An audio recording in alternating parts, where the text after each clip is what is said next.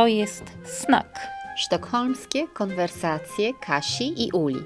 Podcast Katarzyny Tubylewicz, pisarki, dziennikarki i tłumaczki oraz uczuli chowaniec, nauczycielki akademickiej, profesorki historii literatury i kultury. Mieszkamy w Sztokholmie. I stąd Snak, czyli szwedzka pogawędka. To podcast o Szwecji po polsku, o Polsce ze Szwecji, a także o książkach, o wydarzeniach, o tematach bieżących w kulturze i polityce, o naszych ponowoczesnych obyczajach, o odnajdywaniu siebie pomiędzy kulturami, o kobietach i mężczyznach. Dla kobiet i mężczyzn. Zapraszamy! Zapraszamy serdecznie na czerwcowy snak. Jest 21 czerwca i to jest bardzo wyjątkowy odcinek, ponieważ to jest odcinek, który E, będziemy rozmawiać o zmianach. Zmianach e, snaka, zmianach naszego podcastu, ale o tym za chwilę. E, dzisiaj zapraszamy na rozmowę o niezwykłej książce, książce Renaty Lis, Moja ukochana i ja, która nas absolutnie zachwyciła. Tak. Mm. Książka wydana przez wydawnictwo literackie i ukazała się zupełnie, zupełnie niedawno, ale naprawdę jest, jest czytana i uwielbiana przez każdego, kto, e, kto ją e, przeczytał, więc e, będziemy o niej rozmawiać. Będziemy też rozmawiać o tym, jak ważna okazała się w naszych doświadczeniach znakowych emigracja, migracja i doświadczenie migracyjne i dlaczego chciałybyśmy zmienić znak czy profil znaka raczej w stronę rozmowy o o byciu gdzie indziej, o mieszkaniu gdzie indziej, o migracji, migra y, o migrowaniu, ale o tym też za chwilę. Tak, i tutaj dodajmy, że w związku z tym pojawi się dzisiaj też e, w snaku rozmowa, która nawiązuje do mm, poprzedniej rozmowy z Ewą Sapierzyńską. Nie, nie z Ewą Sapierzyńską, o Książki. książce Ewy Sapierzyńskiej. Nie jestem Twoim Polakiem. A rozmowa w majowym znaku to, była, to był wywiad z Iloną Wiśniewską, która tę książkę przetłumaczyła. I rozmawiałyśmy o tym, jak Polacy czują się w Norwegii a dzisiaj pojawi się u nas rozmowa dosyć krótka z Igą Nasiek, która jest Polką w Szwecji i coś tam poczuła e, bliskiego w książce sapierzyńskiej. Iga Nasiek jest autorką bardzo ciekawego e, blogu, podcastu. Czy profilu na Facebooku, jak to określić? Filmow, facebookowego profilu e, Moje Boskie Ciało. Zapraszamy. Zaczniemy od Renaty Lis.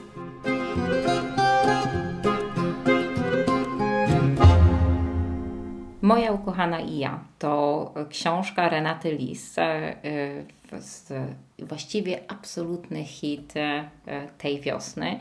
Książka absolutnie niezwykła. Ja wiem, że za dużo mówię tutaj absolutnie, ale to absolutnie jest prawda.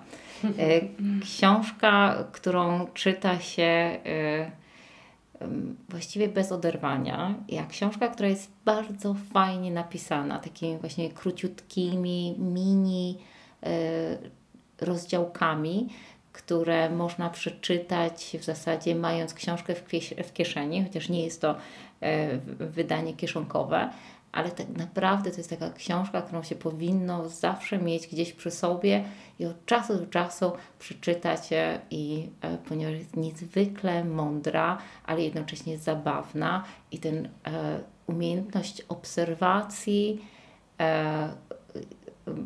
rzeczywistości, sposobów działania pewnych mechanizmów międzyludzkich, relacji międzyludzkich, takich małych złośliwości i tych, tych ciekawych napięć między ludźmi i to, jak Renata to e, przedstawia i komentuje, jest absolutnie niezwykłe. Zresztą o tym opowiemy.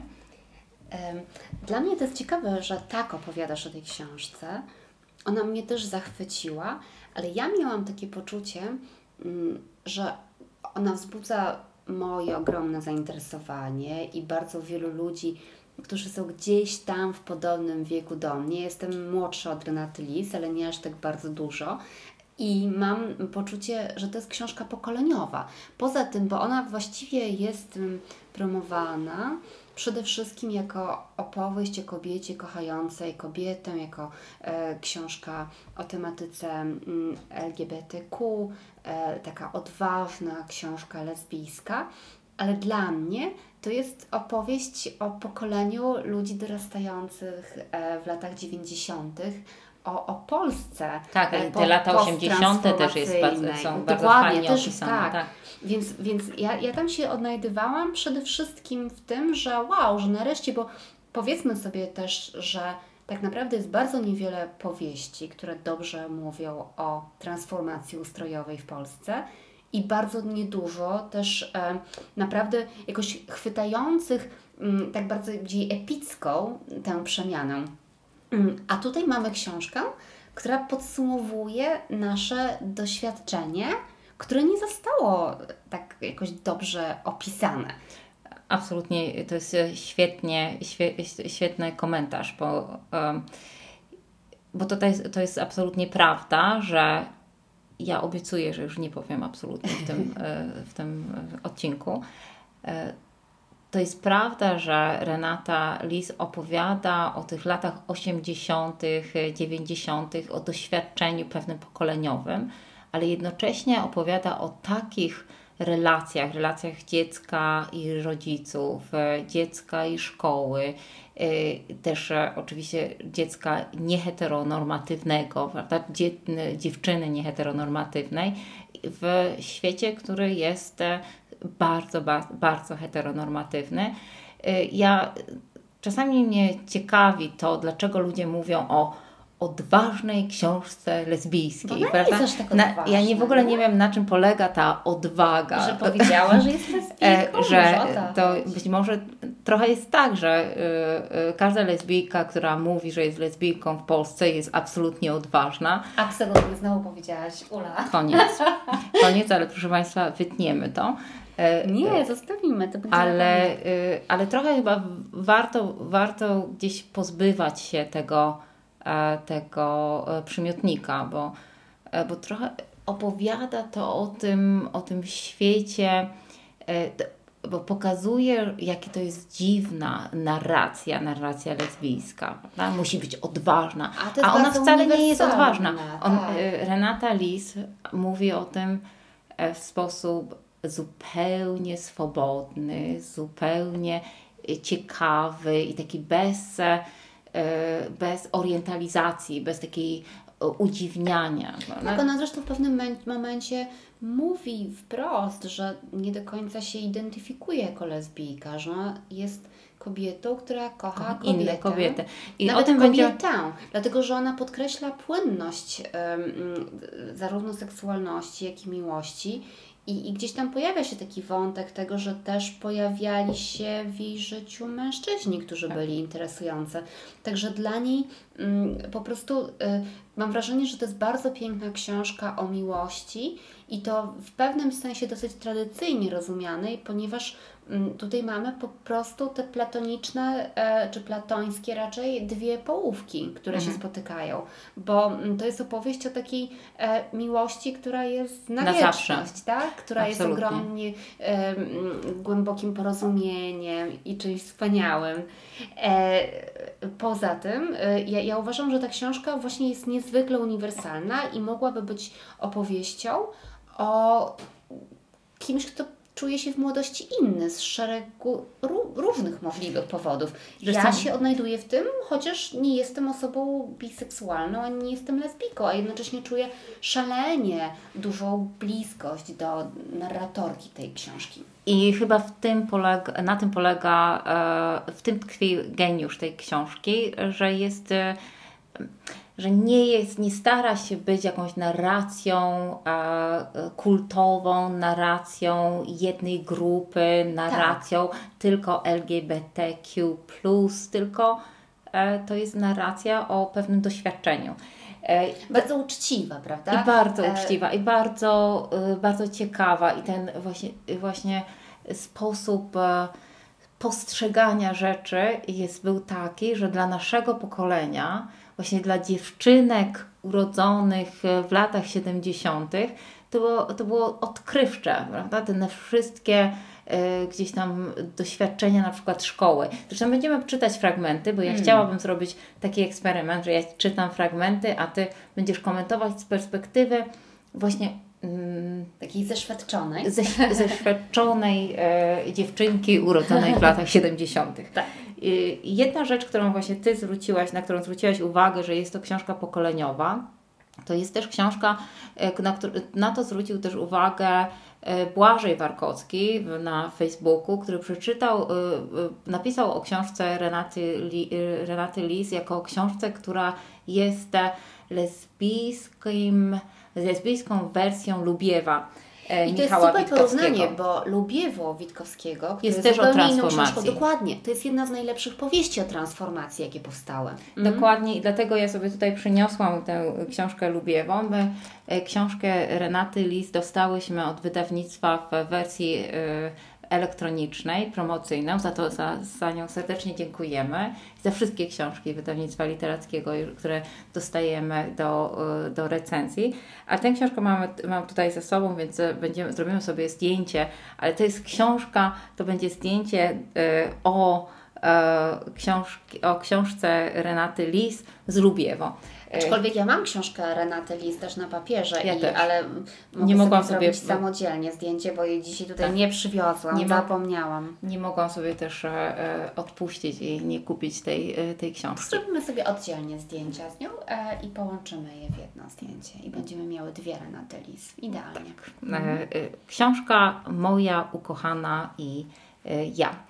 Książka, która za, właściwie zaczyna się od teczki. Od teczki, którą zakładają rodzice, kiedy się e, urodziła, kiedy jest maleńką dziewczynką, maleńkim dzieckiem. I teczka, e, w której zaczynają zbierać ważne rzeczy, w jakiś sposób archiwizować jej mm, dzieciństwo. Archiwizują tylko do czasu urodzenia się siostry. No tak to bywa, ale to jest bardzo piękny, taki poetycki w zasadzie początek jej życia. Świetnie w, tej, w tych pierwszych zdaniach, pierwszych, w pierwszym takim właśnie rozdziałiku Renata Lis pokazuje relacje patriarchatu w swoim domu, bo oto okazuje się, że jedyną przewagą, jaką ma ojciec nad matką, jest właśnie kaligrafia, pisanie, pisanie ładne i, i właściwie nie wiem nawet, czy to jest e, przewaga, czy to jest e, czy, to, czy matka pozwala mu na to. Tak, bo ojciec jest nieudacznikiem. To jest bo ojciec właściwie jest totalnie jakimś nie, tak. nieudacznikiem. Domin, I cytat, cytat. Dominującą pozycję w naszym domu zdobył psim swędem. Dost, dostał ją od patriarchatu bez żadnej zasługi za nic. E, to jest e, świetne zdanie, które pokazuje, że bardzo często te, ta męska e, pozycja takiego mm, patriarchy w domu jest, no, jest kwestią kultury. I ona jest też bardzo często tworzona przez kobiety, zwłaszcza myślę w Polsce, bo mm, jest, jest też ten taki bardzo charakterystyczny chyba dla Europy w ogóle środkowo-wschodniej element, że kobiety są mm, bardzo silne, samostanowiące, przyzwyczajone do tego, że mężczyźni znikali na różnych e, wojnach.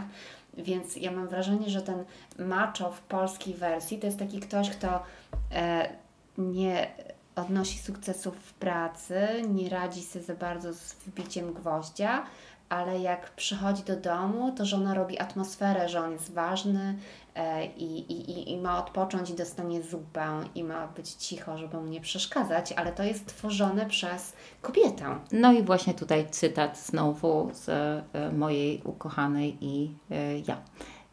Strona, również strona ósma. Zrozumiałam wtedy, kilkunastoletnia, że męska władza opiera się na, na kłamstwie – którą, na kłamstwie, które podtrzymują, a wręcz o zgrozo aranżują kobiety. To one stwarzają mężczyznom scenę, na której odgrywają oni swoją męskość. i to one są, są oklaskującą ich widownią. No właśnie. No właśnie. Pewnego dnia umiera dziadek, który jest nawet lubiany przez, przez autorkę. To jest w ogóle też fajne, że, że ta dziewczynka E, Renata. E, w książce jest też ona, to jest ona, prawda? To jest ten, ta trzecia osobowa. A też to jest takie teraz stosowany, prawda? Bo tak pisał Maciej Zaręba mm, swoją książkę e, Dom z dwiema wieżami. Tak pisze Agneta Plejel, opowiadając tak. o swojej e, młodości. To takie przechodzenie z narracji ja, ja do ona, ona mhm. e, zaczyna być, powiedziałabym wręcz nie wiem, czy modą, czy po prostu pewną formą. Ja myślę, że ma sens. Głęboki. Ja myślę, że w, w, w ogóle w literaturze autobiograficznej bardzo często się to mm. pojawiało i to jest taka forma też e, takiej postmodernistycznej świadomości, że ta ja, którą opowiadam właśnie z, z, fragment, z, fra, z fragmentów takiego domowego archiwum, z pamięci. Jest już kimś innym. Jest kimś innym. Jest taki fajny fragment, fragment u Renaty Lis, że e, ta, e, ta Renata, którą Renata pamięta, nie jest wcale tą Renatą, która, która doświadczyła ale ta Renata, która doświadczyła, nie jest też tą Renatą, która pamięta. Więc ten pamięć i doświadczenie tutaj jest taką, tak, zmienia się. To nie jest coś, co jest identyczne. To jest też płynne. Wszystko w tej książce jest płynnością. Dziadek, dziadek umiera i y, y, w książce czytamy. Babcia nie rozpaczała po śmierci dziadka. Doceniała to, że teraz wreszcie będzie mogła żyć dla siebie. Kolejny mm. fragment pokazujący, jak kobiety w zasadzie y, mają szansę na swoje życie, tak mówiąc, cytując Zofii Naukowskiej e, na takie e, pragnienie całego życia dla siebie, dopiero jak już ci mężczyźni wymierają. To znaczy, ja od razu powiem, że mm, e, idealistycznie uważam, że w ogóle tak nie jest i że możliwe są też takie piękne związki, jak ten opisywany przez Renatę Lis w wersji heteroseksualnej, ale zarazem opowieść o babci, która się cieszy, że pożyje dla siebie, E, przypomina mi o tym, że ostatnio w szwedzkiej prasie pojawiło się sporo artykułów na temat nowego zjawiska, a mianowicie coraz większej liczbie rozwodów ludzi po 60, e, kiedy to kobieta decyduje się odejść od męża, powiedzmy po 30, prawie 40 latach małżeństwa, mm, no dlatego, że ma poczucie, że już się naobsługiwała, albo że ona jeszcze jest strasznie ciekawa świata i dużo rzeczy chce robić, a ten mężczyzna e, nagle jest jakiś bierny i niezainteresowany. O tym zresztą opowiedział w wywiadzie, który ja zrobiłam dla wyborczej bardzo ciekawy szwedzki psychiatra Stefan Krakowski, który e, napisał książkę o incelach, ale także o kryzysie męskości. E, I, i, gdzieś tam dostrzega problem takich e, mężczyzn, którzy się rzeczywiście jeszcze nie odnaleźli w towarzystwie kobiet, które dają sobie same radę i potrzebują miłości, a nie takiego klasycznego małżeństwa XIX-wiecznego, które było instytucją ekonomiczną.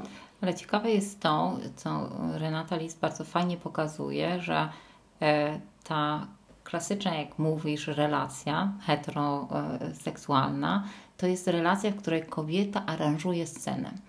I ta e, aranżowanie, tak powinno, ale a to tak aranżowanie tak sceny często. może też powodować, że kobiety mają takie poczucie, że są ważne, że mają to agency, taką mają są potrzebne. i są potrzebne a, i wyeksponowa, wyeksponowa, mm, pokazanie tego jest, e, jest bardzo fajne, bo, e, bo wtedy mamy takie poczucie, kurczę, co robimy? I ja miałam takie doświadczenie teraz, jak byłam w Londynie, kiedy byłam u swojego bardzo dobrze, do, dobrego znajomego, który jest wiekowym profesorem i który właśnie dokładnie takie ma, takie ma, ma, ma taką potrzebę, żeby ktoś udawał, jaki jest bardzo ważny. I, ja, I mądry. I mądry, i jak bardzo ważny, i, i że, że w zasadzie trzeba zadawać pytania. E, I ja sobie czytając jednocześnie Renaty Lis, sobie tak pomyślałam, kurczę, ile ja w swoim życiu mm, wykonałam takich ról tworzenia sceny, bycia e, u, u, słuchaczką. słuchaczką i tak trochę udawania, że jest się głupszą niż, niż się jest naprawdę, bo właśnie w takich genderowych relacjach i to są zawsze były genderowe relacje heteronormatywne, może nie w relacjach e, e, nie wiem, e, romantycznych, ale takich zawodowych przede wszystkim. Ale również. wiesz, że zetknęłam się też z takimi kobietami i też byłam w sytuacjach, w których mm, jakby dostosowałam się do tego, że to kobieta miała mi tłumaczyć świat. Starsza kobieta, kobieta mająca jakąś tam wyższą pozycję, na przykład w świecie kultury.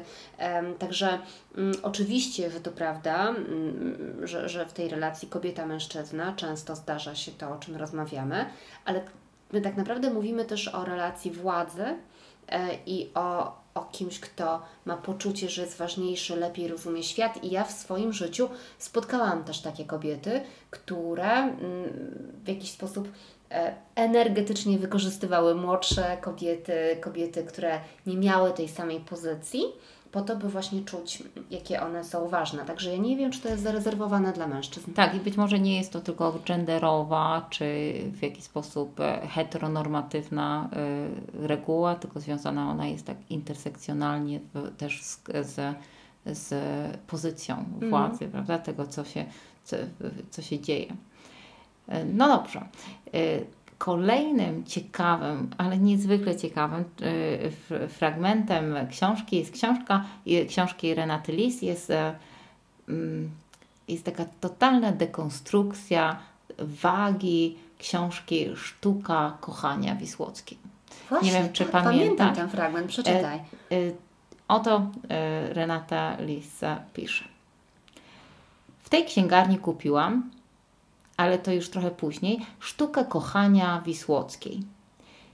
Nie musisz się wstydzić, powiedziała matka, kiedy znalazła ją schowaną za tapczanem w moim pokoju. Wstyd był najmniejszym problemem, jaki miałam z Wisłocką. W jej sposobie pisania był jakiś nieprzyjemny ton, szorstkiej, żołnierskiej. Nie lubiłam tego tonu i nie lubiłam tej przaśnej baby w chuście. Tym bardziej, że swoją książką okropnie mnie przeraziła. Moją bardzo młodą uwagę przykuły rysunki przedstawiające różne rodzaje tak zwanej błony dziewiczej. Studiowałam je obsesyjnie, próbując odgadnąć, jaką mam ja i czy przypadkiem nie tę najgorszą, perforowaną albo może całkiem zarośniętą, jedną z tych, z którymi w końcu ląduje się w szpitalu, bo żaden penis nie potrafi ich rozerwać. Sztuka kochania była dla mnie lekturą traumatyczną i do niczego mi, mi się w życiu nie przydała. Ostatnia rzecz, jaką dałabym córce. Piękny jest ten fragment. I wiesz, że ja pamiętam też, e, że przeżywałam te rysunki tak samo e, i ten niepokój typ błony dziewiczej mi także ja się udzielił. E, no, to jest. Ona zresztą w ogóle świetnie pisze, że w tej książce nie ma z jednej strony wcale bardzo dużo seksu, mm, ale z drugiej strony mam wrażenie, że jest bardzo mm, mądra opowieść o ciele i o seksualności e, i o erotyce, mm, rozumianej właśnie rzeczywiście trochę mniej technicznie, bo my już rozmawiałyśmy o tym, że w ogóle jest jakiś taki problem z poradnikami seksuologicznymi, że one z jednej strony są bardzo przydatne, a z drugiej strony I mogą wywoływać niepokój. I my rozmawialiśmy o tym w, w kontekście poradnika z tego roku, więc tak. okazuje się, że 30 lat i nic się nie Ten zmieniło. Ten gdzieś pozostaje i gdzieś ucieka no, to takie doświadczenie e, erotyki, które no właśnie nie ma charakteru technicznego i może dlatego trudno o tym pisać, a poza tym jakiś taki indywidualizm tego doświadczenia i wydaje mi się, że Renacie Lis udaje się to uchwycić. Ona bardzo ładnie e, opowiada o, o seksie kobiet. No tak i oczywiście jest tam ta ironia lesbijska w, gdzieś tam w tle, w której, gdzie... gdzie Że jak baby się całują, to deszcz pada i to tak za, dalej. to za, o Mhm. tym za chwilę, ale to, właśnie w kontekście sztuki kochania, że jest to książka niezwykle, niezwykle heteroseksualna i gdzie Mm. jeżeli, chodzi, jeżeli mówimy o błonie dziewiczej, to mówimy też, to tak naprawdę mówimy, jak, a jaka ona jest dobra dla penisa, więc, e, więc tutaj jest e, fajna zabawa. Ale tak jeżeli mówimy o, o, o właśnie takich e, dyskusjach na temat seksu i tych, tych młodych dziewczynek, które, którymi kie- kiedyś były, byłyśmy w latach 80., w których oczywiście, no, zresztą podobnie jak teraz, nie ma szans na, na e, edukację seksualną i trzeba się tego tak gdzieś, do, gdzieś doszukiwać. I pamiętam, jak, jak e, e, Wioletta Grzegorzewska opowiadała kiedyś w, na, na, na, w jakimś wywiadzie ze mną o tym, jak właśnie e, e, czytały gdzieś tam w, w jakiejś stodole z, z, z koleżankami e, ze wsi sztukę kochania i jakby były absolutnie przerażone e, e, tym, no to to była taka, tak, takie właśnie samo, sa, samoedukacja, która była często oparta na właśnie olbrzymim lęku i takiej nie, nie, absolu- ni- nikt nie miał takiego dostępu do, do dyskusji na ten temat. Nawet matka, kiedy tutaj mówi, nie masz się czegoś wstydzić i nie proponuje też rozmowy. Ona, Tak. E, ale e, zaraz obok tej, tej, tego fragmentu pojawia się ta scena z pedofilem. Nie wiem, czy, czy pamiętasz. I to, jest, to było coś niesamowitego, kiedy przeczytałam to, ponieważ ja, my miałyśmy podobne doświadczenie razem z moją siostrą. E, z, I to miałyśmy mniej więcej tyle samo lat, kiedy, które ma Renata w tej, w tej scenie, kiedy nagle pojawia się jakiś facet, który idzie za, za tobą i ty czujesz od początku, że coś się, coś się dzieje Tak. i, i nie bardzo wiesz, co zrobić. I niby Tak. jesteś w tłumie, ale tak naprawdę masz ten gest uciekania do domu, który jest oczywiście straszny, ponieważ to jest y, w tym domu nikogo nie ma. Tak. No ona wsiada do windy z pedofilem, Ona też wsiada prawda? do windy z E, tym pedofilem, mm. który ją gdzieś zabiera na dwa piętra wyżej. Tak. E, jej- I to jest, e, to jest ten lęk, którym ona gdzieś tam w tych prostych zdaniach, e, ale jednocześnie przy, przemyca, e, zupełnie uruchomił mi od razu tę Tak. scenę, którą myśmy, myśmy miały, przeżyły rac, raczej z, razem z moją, z moją siostrą. I to było porażające właśnie Ja też miałam takie fragment. doświadczenie. Ten fragment tam zdradźmy, że wszystko się dobrze kończy, bo w mieszkaniu jest e, nieoczekiwanie mama Renaty Lis. Tak, e, kiedy- i pedofil, kiedy Rena- który chce za nią wejść do mieszkania, nie może tego zrobić. E, ale ja myślę, mm, że to jest też pokoleniowe doświadczenie, dlatego że my byłyśmy wszystkie takimi dziewczynkami, którym chyba niewystarczająco często po pierwsze mówiło się, że w ogóle istnieją tacy ludzie jak ped- pedofile, a po drugie my naprawdę byłyśmy wychowane na grzeczne dziewczynki. Ja miałam takie doświadczenie z pedofilem, że jechałam autobusem pełnym ludzi, bardzo zatłoczonym, razem z moimi przyjaciółkami, które gdzieś tam sobie jakoś odeszły na bok i rozmawiały i siedział taki facet, który zaczął mnie namawiać, żebym usiadła mu na kolanach, dlatego że jest mało e, miejsca. I ja nie potrafiłam mu powiedzieć nie. I usiadłam mu na kolanach, na co on zaczął natychmiast mnie przepytywać, gdzie jadę, mm, kiedy będę wracała do domu, bo ja mu wyjawiłam, że jadę do przyjaciółki. I on się w ogóle ze mną umówił tego samego dnia na konkretnym przystanku o 19, że będziemy razem wracać. Tylko, że ja już zaczęłam się go bać, tym bardziej, że on się trochę dziwnie zachowywał, kiedy siedziałam na tych kolanach. Można się domyślać pewnie, co się działo. Więc ja zaczęłam go okłamywać, bo ja miałam tej mojej przyjaciółki nocować, no i nigdy nie dotarłam na spotkanie z nim na przystanku. Ale nie byłam w stanie wstać z tych kolan, w ogóle powiedzieć, zacząć krzyczeć. Tak. Nikt też nie zareagował z ludzi wokół. Że- tak, Mimo, że ja tak. miałam może 7 lat, może 8, rozmawialiśmy dosyć głośno i to było ewidentne, że po prostu facet jest spoczęciem i próbuje małą dziewczynkę, blondynkę, no prawdopodobnie wykorzystać seksualnie. Ale ja byłam w tym zupełnie sama, mimo że byłam w tłumie. Niesamowite. I dokładnie tak jest w, w, w narracji Lis. Ja przeczytam fragment, e, Przeczytaj. e, a tylko e, po to, abyśmy wszyscy, wszyscy pobiegli do, do księgarni i kupili tę książkę. Włożyła klucz do zamka. Już miała go obrócić, kiedy nagle drzwi same się przed nią otworzyły i stanęła w nich matka.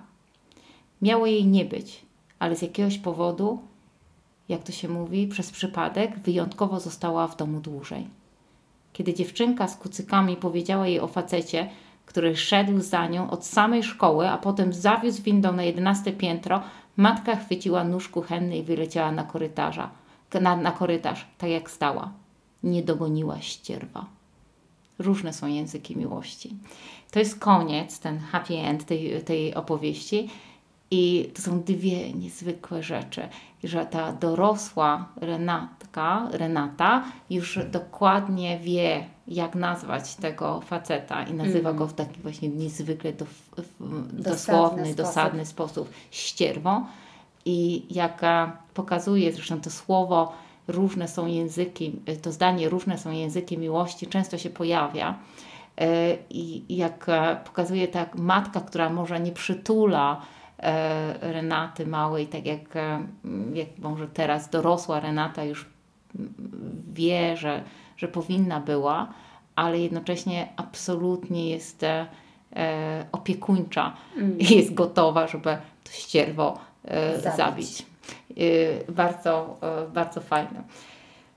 Strasznie dużo o tej książce można powiedzieć i naprawdę każda, każda strona to jest, to jest opowieść na to jest, to jest przyczynek do wielkiej, wielkiej opowieści.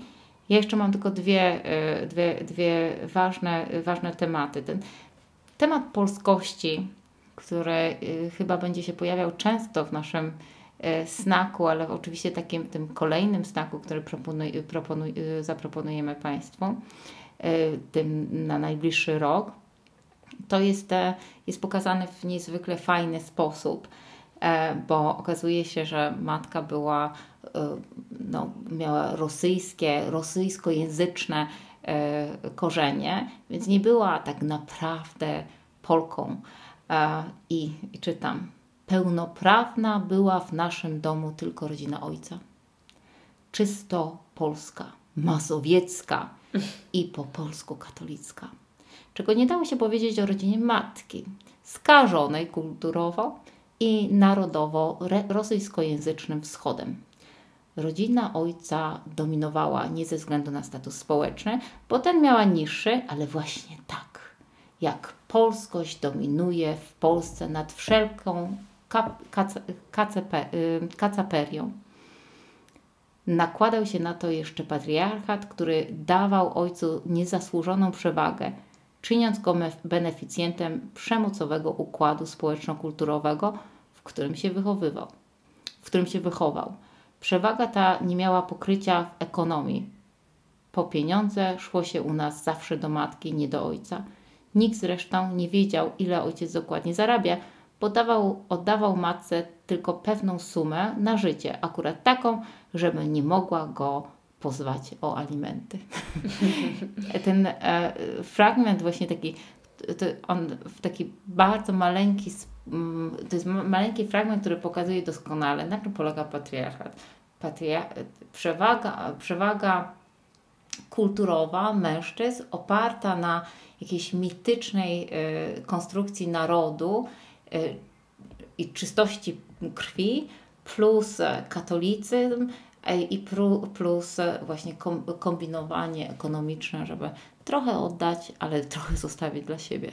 Mm, tak, e, zresztą mm, bardzo fajnie, że wybrałaś ten fragment o polskości, bo mm, Renata Lis w pewnym momencie opowiada także o stosunku jej pokolenia, naszego pokolenia, do emigracji, o tym, że wszyscy byli naznaczeni romantyzmem, takim poczuciem, że właściwie nie powinno się opuszczać ojczyzny, że ta ojczyzna, że, że opuszczają mm, ci ludzie, którzy nie są odpowiedzialnymi intelektualistami. To jest bardzo ciekawe, że ona na to zwraca uwagę, bo ja to rozpoznaję, e, zdecydowanie taki nastrój. Mm, a jednocześnie mam wrażenie, że to nie do końca jest nazwane. Tak. Nie dostałaś pracy na Uniwersytecie Jagiellońskim i wyjechałaś. Tak, tak, tak. Albo e, warszawskim. E, tak, albo tak, ale że to właśnie było, nie było wcale dobrze widziane, ale jednocześnie ta książka jest opowieścią o różnych formach emigracji, też takiej wewnętrznej emigracji e, wynikającej z tego, że jest się inną, że się kocha inaczej, że się czuje nie do końca związaną na przykład z tradycją. Ja kocham w tej książce e, wszystkie mm, bóle Renaty Lis związane z obchodami e, różnych świąt e, i tego, jak te obchody powinny wyglądać. Mam wrażenie, że ona też nazywa tu coś, co czuje bardzo wielu Mm, ale o czym się tak niezbyt często e, mówi. A dlatego wspominam, e, że ona mówi o tych różnych formach migracji, bo Ty powiedziałaś, że mm, zmieni się niedługo znak. E, my rzeczywiście chcemy skupić się w dużej mierze na rozmowach o emigrację, emigracji, o emigrantach, o Polakach na całym świecie, także będzie coraz więcej wywiadów z różnymi innymi ludźmi w naszym snaku, ale to wcale nie oznacza, że nie będzie miejsca na rozmowy Mm, o tak bardzo polskich książkach jak książka Renaty Lis, dlatego że to jest też opowieść o pewnej formie emigracji. Mm, tak, to jest to oczywiście książka o pewnej formie emigracji, o też pewnych formach e, mm, zmiany e, para, paradygmatu, czy tam narodowego, czy kulturowego tak. i ta, ten paradygmatu, który wiąże się ze, ze zmianą, z, z różnymi y, z, połączeniem różnych kultur i wpływem innych kultur na, e, e, na siebie. I tutaj na przykład ten wątek queerowy jest bardzo ważny. Ten wątek e, poszukiwania języka, to, to języka tożsamości nieheteronormatywnych, tożsamości nieheteroseksualnych.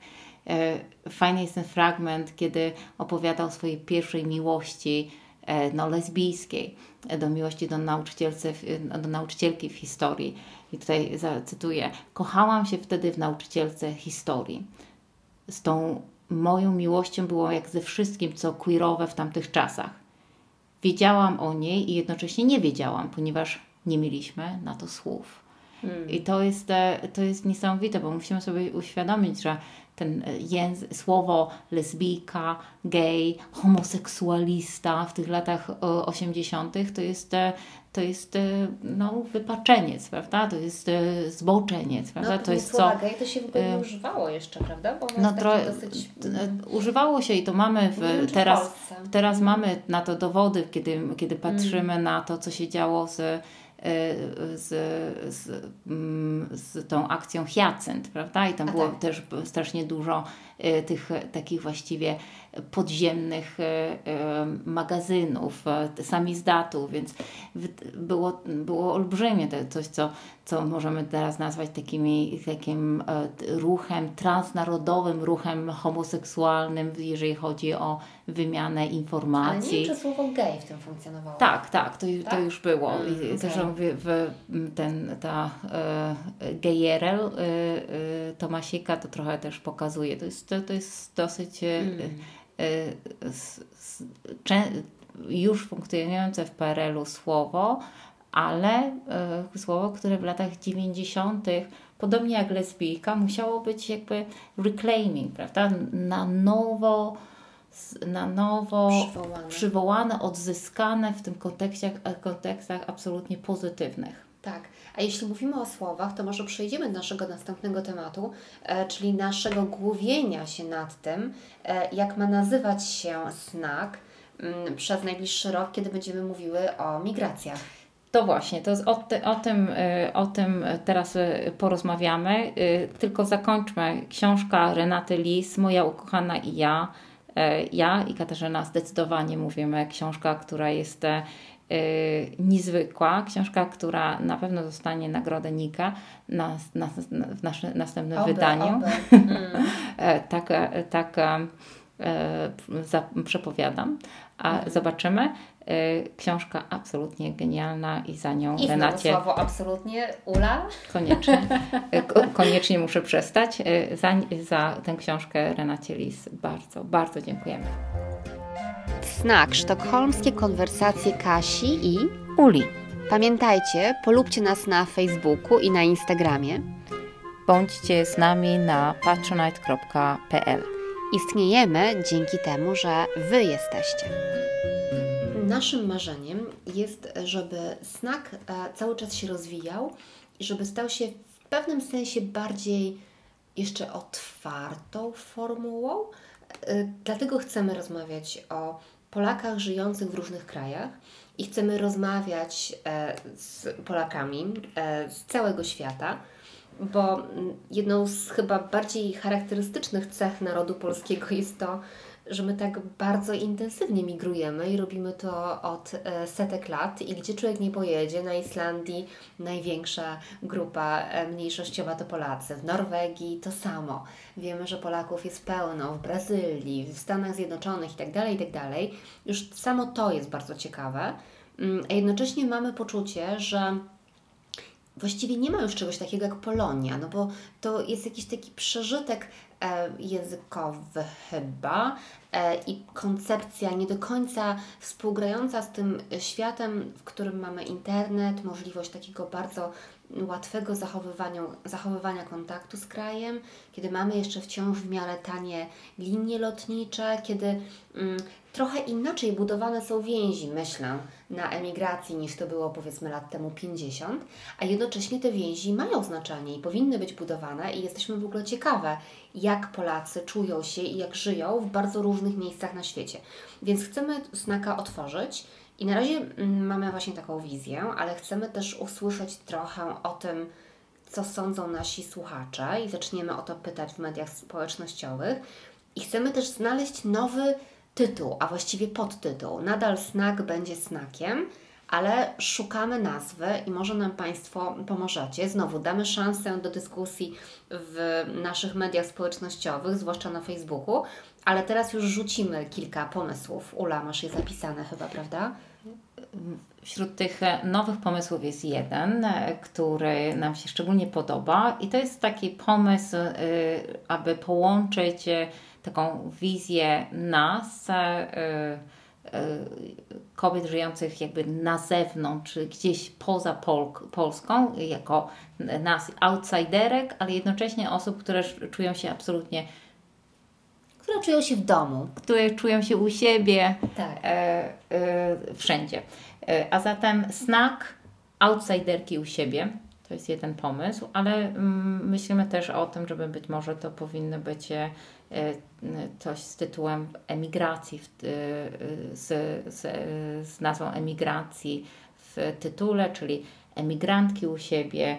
E, Albo znak opowieści o emigracji. Bo... Emigrantki, emigranci, sztokholmskie rozmowy o emigracji, albo znak rozmowy outsiderek.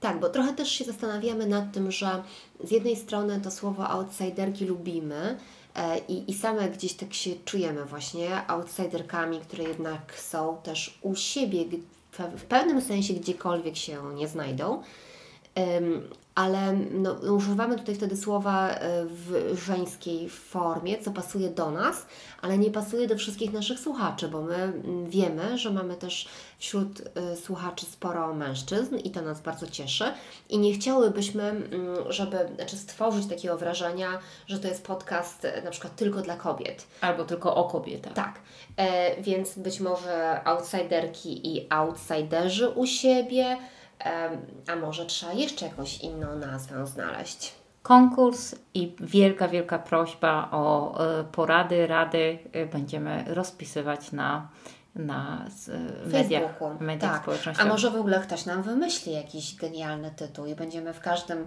e, odcinku dziękować tej wspaniałej osobie. Dokła- dokładnie, albo być może zaprosimy tę osobę do Sztokholmu. Tak, ale mamy w ogóle poczucie, e, że nasz snak jest takim podcastem, który powinien być słuchany przez mm, Polaków mieszkających za granicą. Nie tylko przez takich oczywiście, ale ta, przez takich też. E, I że brakuje jakiejś takiej e, rozmowy na temat migracji, która by się toczyła pomiędzy Polakami w różnych krajach. Bo jest jakaś taka tendencja do tego, że ludzie zamykają się w tych swoich małych diasporach, albo w ogóle nie mają też kontaktu z innymi Polakami gdzieś tam żyjącymi w tym samym kraju, tylko kontakt z Polakami w Polsce. My byśmy chciały budować jakąś taką nową intelektualną sieć e, wymiany myśli o byciu emigrantem mhm. i emigrantką. wydaje nam się, że to jest potrzebne. I być może to jest też poszukiwanie nowego języka mówienia o emigracji, bo ty mówiłeś, nie ma Polonii. No nie ma, bo to jest stary język. Tak. Y, wyemigrowanie. Kiedy wyjechałeś z Polski y, albo wyjechałaś z Polski, czasami mnie ktoś tak pyta i ja mm, zastanawiam się, ale kiedy? Bo ja raz na miesiąc czasami bywam w Polsce. Prawda, ja też, albo dwa razy w e, miesiącu. I, ale mm. co, co to w ogóle znaczy wyjechać albo wyemigrować? Czym właśnie jest, e... czy w ogóle, czy, co to znaczy być emigrantką? Na przykład Grażyna Plebanek, tak? tak, mieszkająca w Brukseli, ona bardzo często podkreśla, że nie czuje się emigrantką, e, ponieważ właśnie nie do końca wyjechała. Ja uważam, że mm, no ten, ten moment, w którym zaczyna się płacić podatki w innym kraju i chodzi się do lekarza w innym kraju i trzeba dostosować się do tych nowych kodów kulturowych, jest czymś, co czyni nas emigrantkami, ale zarazem no, nie ma w tym tej nostalgii, którą Ale znamy nie ma, z romantycznych tekstów. No i tego tak? języka, tak? starego języka emigracji, mm -hmm, prawda? Tak. Kiedy, kiedy emigracji, gdzie granice były inne. Y, I zupełnie inne, inna, inne doświadczenie jest e, prawdopodobnie e, emigrantów polskich, nie wiem, w Stanach Zjednoczonych, w, mm, tak. w Kanadzie, Stanach Zjednoczonych, czy nie wiem, w Australii, ponieważ ten możliwości przemieszczania się, wyjazdu są, są trochę mniejsze niż nas między Szwecją a, a Polską. No ale to wszystko, zna, to wszystko pokazuje, jakie być może ciekawe, ciekawe są, będą to rozmowy i ciekawe, które będą otwierać albo będą budować właśnie takie różne mosty między naszymi stereotypowymi, myśle, e, sposobami myślenia o emigracji, a tego, czym emigracja o dzisiaj e, w takim świecie, którym jednocześnie jest już post globalnym e, świecie, ale jednocześnie też świecie, które, który buduje nowe, cały szereg nowych e, spo, takich nowych, nowych konserwatyzmów. No i nowych granic, prawda? Nowych granic. Mentalnych czasami. A, a, a poza tym mm, ja, ja mam wrażenie, że istnieje wiele uprzedzeń na temat emigracji w samej Polsce. Mm, one właśnie pochodzą no, prosto z literatury romantycznej E, i z tej postawy, o której pisała Renata Lis, polskiej inteligencji lat 80., 90., e, gdzie wciąż emigracja była trochę zdradą. Tak, tak, e, tak. To było takie... Zdrajczyni. tak, Emigrantka, takie... zdrajczyni. Więc, więc tutaj, a, a z drugiej strony jak patrzymy, rozmawiałyśmy w znaku swego czasu na przykład o świetnych książkach Ewy Winnickiej, którą jednak gdzieś tam się nie zgadzamy w jej patrzeniu na um, emigrację jako zawsze jakiś rodzaj cierpienia. Ale to być może jest bardzo, bardzo dobry y, powód, y, żeby, y, żeby ją zaprosić i tak, żeby z Ewą koniecznie. porozmawiać. Mhm. A zatem Ewa Winnicka, ale też cały szereg Grażyna Plebanek, o której wspomnia, wspomniałaś, Manuela Gretkowska, Magdalena Parys będzie już prawdopodobnie w lipcowym odcinku Berlin. Y, oraz Anna Błasiak, cudowna tłumaczka i wspaniała poetka z Londynu. Y, to, to są nasze plany. A teraz zapraszamy na rozmowę Katarzyny z Igą Nasiek, autorką no, facebookowego profilu Moje Boskie Ciało.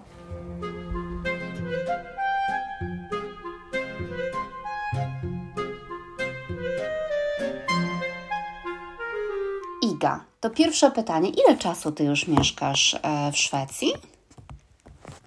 9 lat. Aha, to już 9. jest długo. Mhm. Mm, albo, albo 10 w kwietniu, ale nie jestem pewna teraz, bo straciłam. Okay. I czy to jest tak, bo gdzieś napisałaś, e, że w jakiś sposób lepiej czujesz się wciąż, kiedy mówisz po angielsku, bo wtedy niejako masz ja nie wiem, jakiś inny rodzaj równości w rozmowie, choć ja domyślam się, że ty znasz już bardzo dobrze szwedzki. O co chodzi z tym angielskim? Wiesz co, nawet nie wiem, kiedy to napisałam i gdzie to wychwyciłaś. E, I, I właściwie musiałabym się zastanowić, dlaczego e, tak myślałam w danym momencie. Mówię po szwedzku, ale nie jakoś fantastycznie, e, bo ja nie mam łatwości uczenia się nowych języków. Angielski znam od dziecka i, i mam w nim, mam wrażenie, że, że lubię go, bo, bo mam w nim łatwość opisywania swoich uczuć. Po szwedzku mm. tego nie potrafię zrobić. Mm-hmm. Um, zwłaszcza, że dla mnie on jest taki specyficzny, jeśli chodzi o wydawanie też tych dźwięków i, i no i w ogóle um, taką dźwięczność w ogóle tego języka. Więc ciężko mi się w nim odnaleźć. Ale ja, ja dlatego zapytałam, bo ja mam takie wrażenie, e, że dotyczy się zwłaszcza ludzi bardzo dobrze mówiących po angielsku, jak ty, lub którzy w ogóle są native'ami, e, że oni z reguły albo się w ogóle nie uczą szwedzkiego, albo chętnie po tym angielsku mówią, bo język angielski jest w Szwecji bardzo prestiżowym językiem, co powoduje, że osoba, która się nim posługuje w taki sposób jak Szwedzi albo jeszcze lepiej, natychmiast jest traktowana dobrze, a bycie takim łamiącym trochę e, szwedzki imigrantem jest trudniejsze. Kiedyś napisał o tym Maciej Zaręba, że Szwedzi są purystami językowymi, że nie lubią e, takich e, dziwacznych akcentów, jak ktoś im ten szwedzki bardzo łamie. I e, ja myślę, że to jest prawda. Nie wiem, czy się ze mną zgodzisz. No wiesz co, jak teraz zaczęłaś o tym w ten sposób opowiadać, no to ja też mam takie odczucia. Mhm. Że rzeczywiście e, na przykład nie lubię, jak zaczynam używać szwedzkiego, to natychmiast zaczyna się poprawianie. A, to ciekawe, mnie nigdy nikt nie poprawiał. E, ja uważam, że to dobrze, jak poprawiają, można się uczyć szybciej. Tak, absolutnie z takiego zdroworozsądkowego, e, podchodząc do tego zdroworozsądkowo, to ja też zawsze mówię, tak, poprawiajcie mnie, super, ale no przez to, że właśnie ten angielski znam na takim wysokim poziomie, y, czuję się w nim doskonale, no to natychmiast się przełączam. Rezygnuję, tak. wiem, że wszyscy wokół y, mnie rozumieją, można podyskutować na fajne tematy, a szwedzki mnie trzyma w takich, takich podstawowych, już nie mogę się jakoś odnieść bardziej do sztuki, do literatury i gdzieś po prostu sobie pozwolić na takie y, osobiste gdzieś odczucia też. Mm. Y, no i to mnie hamuje, ale, ale na pewno też to, co powiedziałaś, też czuję. Mm. A jak to w ogóle jest być e, imigrantką w Szwecji? Czy ty w ogóle czujesz się tutaj imigrantką? Czy jesteś bardziej ekspatką? Czy jesteś po prostu Polką w Szwecji? Jak ty siebie definiujesz? No to jest trudne. ja generalnie mam takie poczucie, i to miałam już jako dziecko, później gdzieś zgubiłam to poczucie, e, że czuję się obywatelem świata. Ja miałam takie, zawsze miałam taką trudność przynależeć do jakiejś grupy. Mm. I myślę, że jak wyemigrowałam, to bardzo, bardzo starałam się gdzieś przynależeć, w końcu gdzieś zapuścić te korzenie, jakąś taką kotwicę. No a emigracja to bardzo utrudnia. Ja dopiero teraz, jak patrzę na to z troszeczkę innej perspektywy, jak już, jak już usiadłam, dzięki twoim, między innymi dzięki Twoim książkom poznałam też miasto z innej perspektywy i zaczęłam się wgryzać, zaczęłam też rozumieć e, taką dwoistość emigracji, że to jest takie trochę rozdwojenie jaźni. Ja, mhm. ja, ja mam takie poczucie, że teraz w Polsce już nie czuję się jak, jak u siebie, tu też się nie czuję jak u siebie, ale mam wrażenie, że to się nigdy nie zmieni, że to może tylko jakoś słabnąć albo i narastać, bo wiele moich czytelniczek też napisało, że z wiekiem myślało, że będzie łatwiej, a jest im trudniej na obcej ziemi. No i ja też mam takie, takie od, przypływy i odpływy, ale generalnie nigdzie się już nie czuję jak swoja i takie mam teraz poczucie, że zapuszczam te korzenie wewnątrz siebie, że już mam zgodę na to, że okej, okay, że, um, że ani tu, ani tam, ale w sobie zawsze mogę mieć tą bezpieczną przestrzeń, yy, przystań. Yy, I dodatkowo no, staram się też jakby skupiać na tych, yy, na tych skarbach, które też emigracja niesie. Mhm. Bo, bo to jest niezwykłe bogactwo zrozumieć więcej niż tylko swoją kulturę i otworzyć się w ogóle na, na innych. I moim wielkim marzeniem już też jako, jako nastolatka było mieć taką paczkę znajomych z całego świata. Aha. Sztokholm pozwolił mi to zrealizować. No to jest Cudownie wspaniałe. Jest, mm. jest w ogóle poznawać różne kraje i kontynenty E, dzięki opowieściom innych ludzi, dzięki temu możliwości obserwowania temu, tego, jak, jak oni są w ogóle, więc czy, czy jak spotykamy się, to przywożą też różne potrawy ze swoich krajów. No, uważam, że to jest fantastyczne i jest takie spełnienie mojego ma małego marzenia.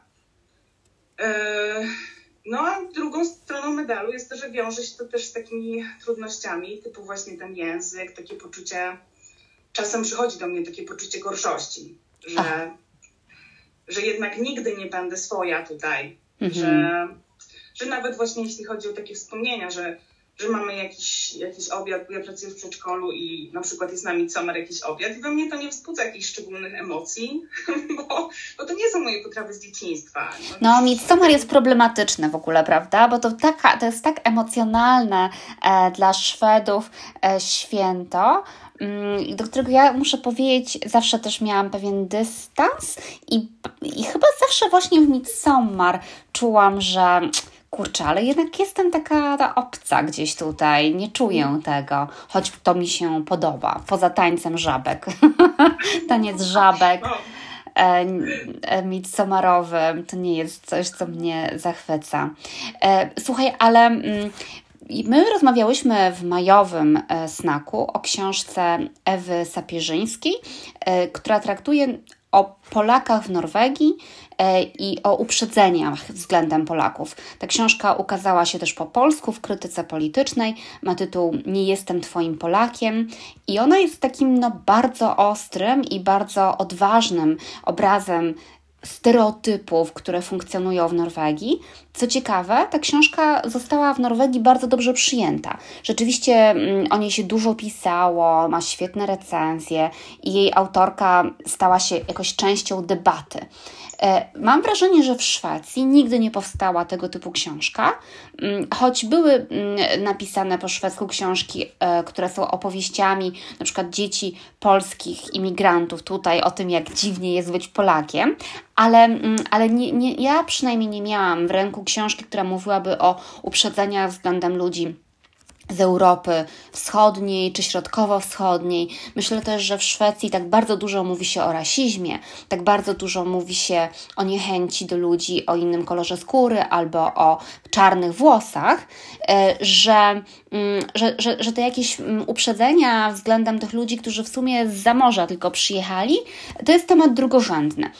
Ale one chyba jednak istnieją.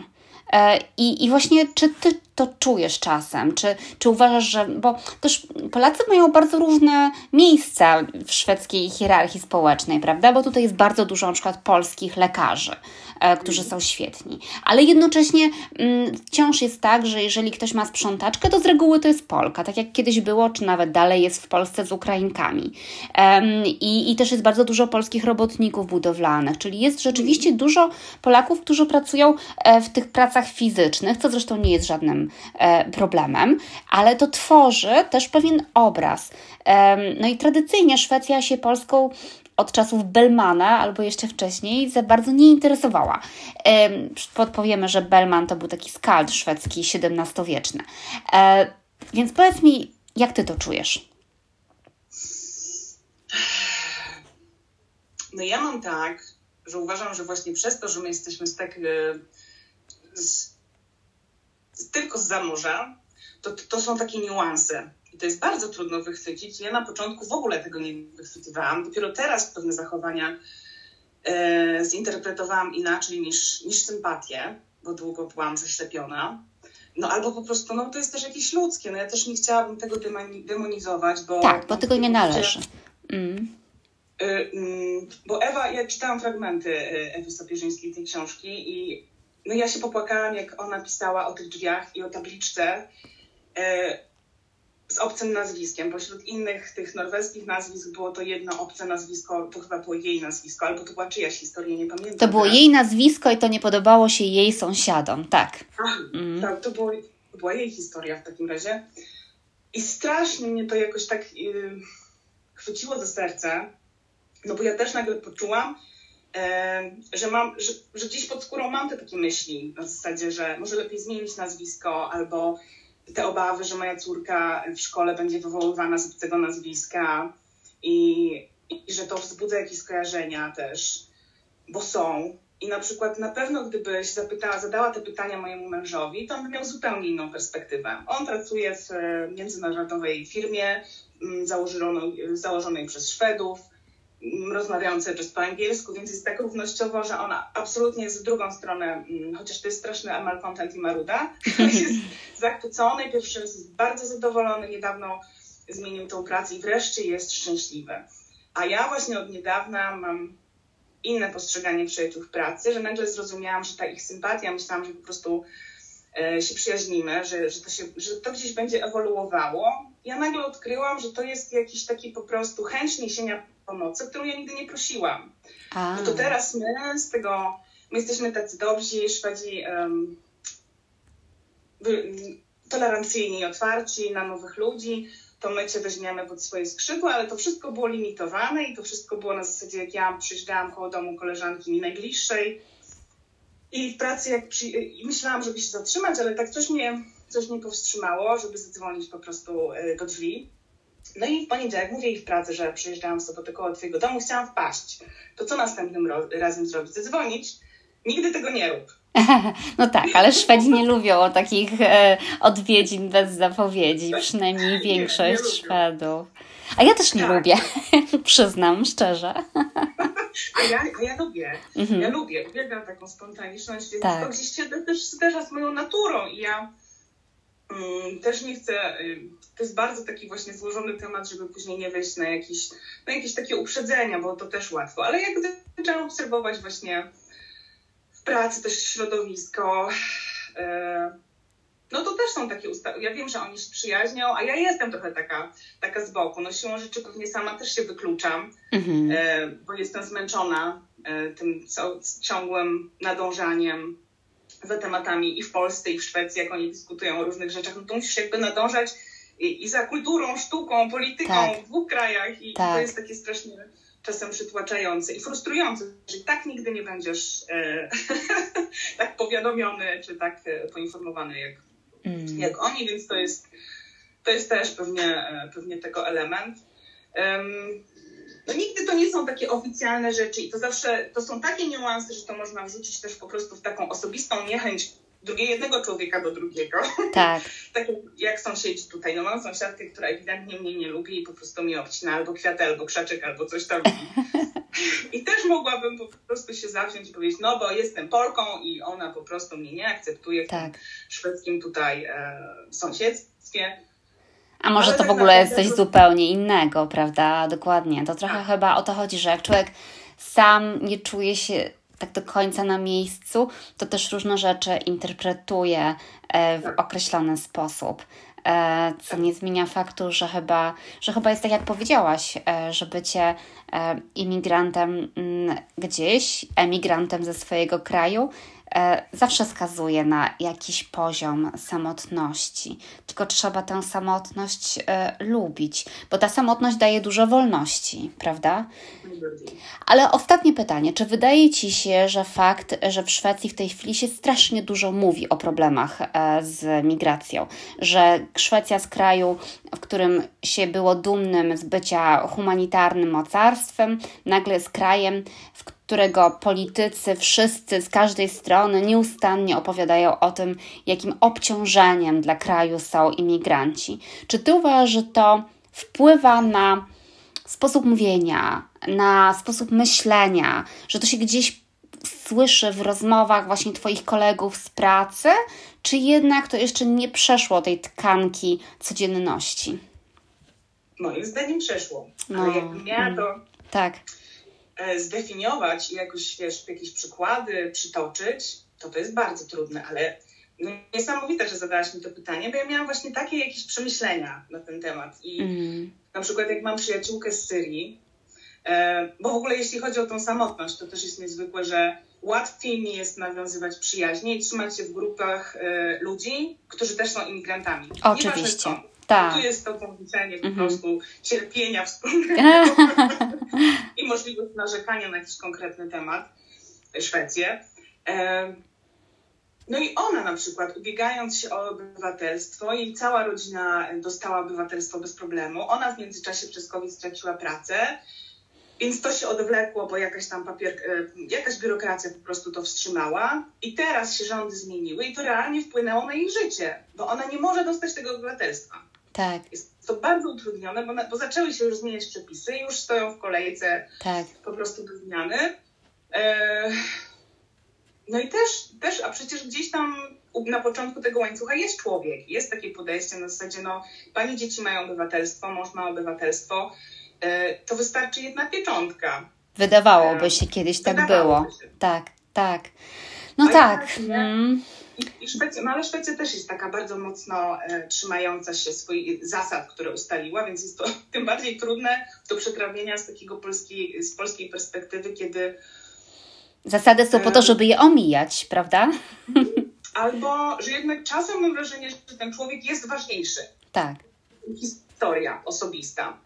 Więc no nie wiem, to też jest taki złożony temat, ale tak uważam, że, że ma to wpływ. Że to już mm. gdzieś przesiąka i że generalnie to podejście to są jakieś takie subtelności. Ja to czuję. Może też to jest jakaś moja nadinterpretacja, ale mm. tak mam. Ogromnie Ci dziękuję e, i polecam wszystkim słuchaczom e, Snaka, żeby zaglądali na Twój rewelacyjny e, profil Moje Boskie Ciało. Niedługo będzie książka, prawda? Kiedy ona powstanie? Mam nadzieję, że do końca roku będzie na półkach. Teraz A. z edytorką i korektorką cały czas przerzucamy się tymi tekstami mhm. i pracujemy nad tym, żeby była gotowa. To czekamy Dzięki. na nią. Dzięki.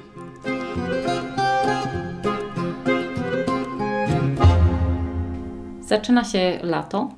E, życzymy Państwu, aby ono było niezwykle, niezwykle słoneczne, ale też z odrobiną e, takich fajnych deszczów i żeby było spokojne, abyśmy odpoczęli wakacyjnie. Jeżeli pracujemy, to pracujemy tylko nad najlepszymi naszymi projektami. Ja oczywiście planuję cały szereg różnych e, książek i artykułów, ale to z taką absolutną wakacyjną ra radością. Katarzyna, Ty też. Tak, ja będę też dużo pracowała, ale jednocześnie robiła sobie przerwy na to, żeby położyć się na pomoście e, i, i po prostu pocieszyć e, słońcem i popływać. Ja bardzo w czas pandemii zmienił mnie pod tym względem, e, że zaczęłam uwielbiać lato w Szwecji i bardzo doceniam taką formę wakacji, nie wakacji, e, która polega na tym, że ma się dużo więcej czasu niż normalnie w roku, a jednocześnie czasami robi się świetne rzeczy pracowe, bo jest jakiś inny rodzaj e, skupienia. Także zamierzam właśnie tak spędzać czas, ale wspomnijmy o tym, że nasz snack pojawia się 21 czerwca, a w Szwecji 24 czerwca jest prawdziwe szwedzkie e, święto narodowe, no bo e, święto narodowe oficjalne to 6 czerwca, ale e, Midsommar mm, w tym roku to jest 24, bo to sobota. Więc czy coś kłamię? Nie, Midsommar jest w sobotę, więc 24. Dlatego zrobiłyśmy sobie zdjęcia w wianku i będziemy reklamować w ten sposób snaka. No tak, Midsommar to jest, to jest absolutna instytucja.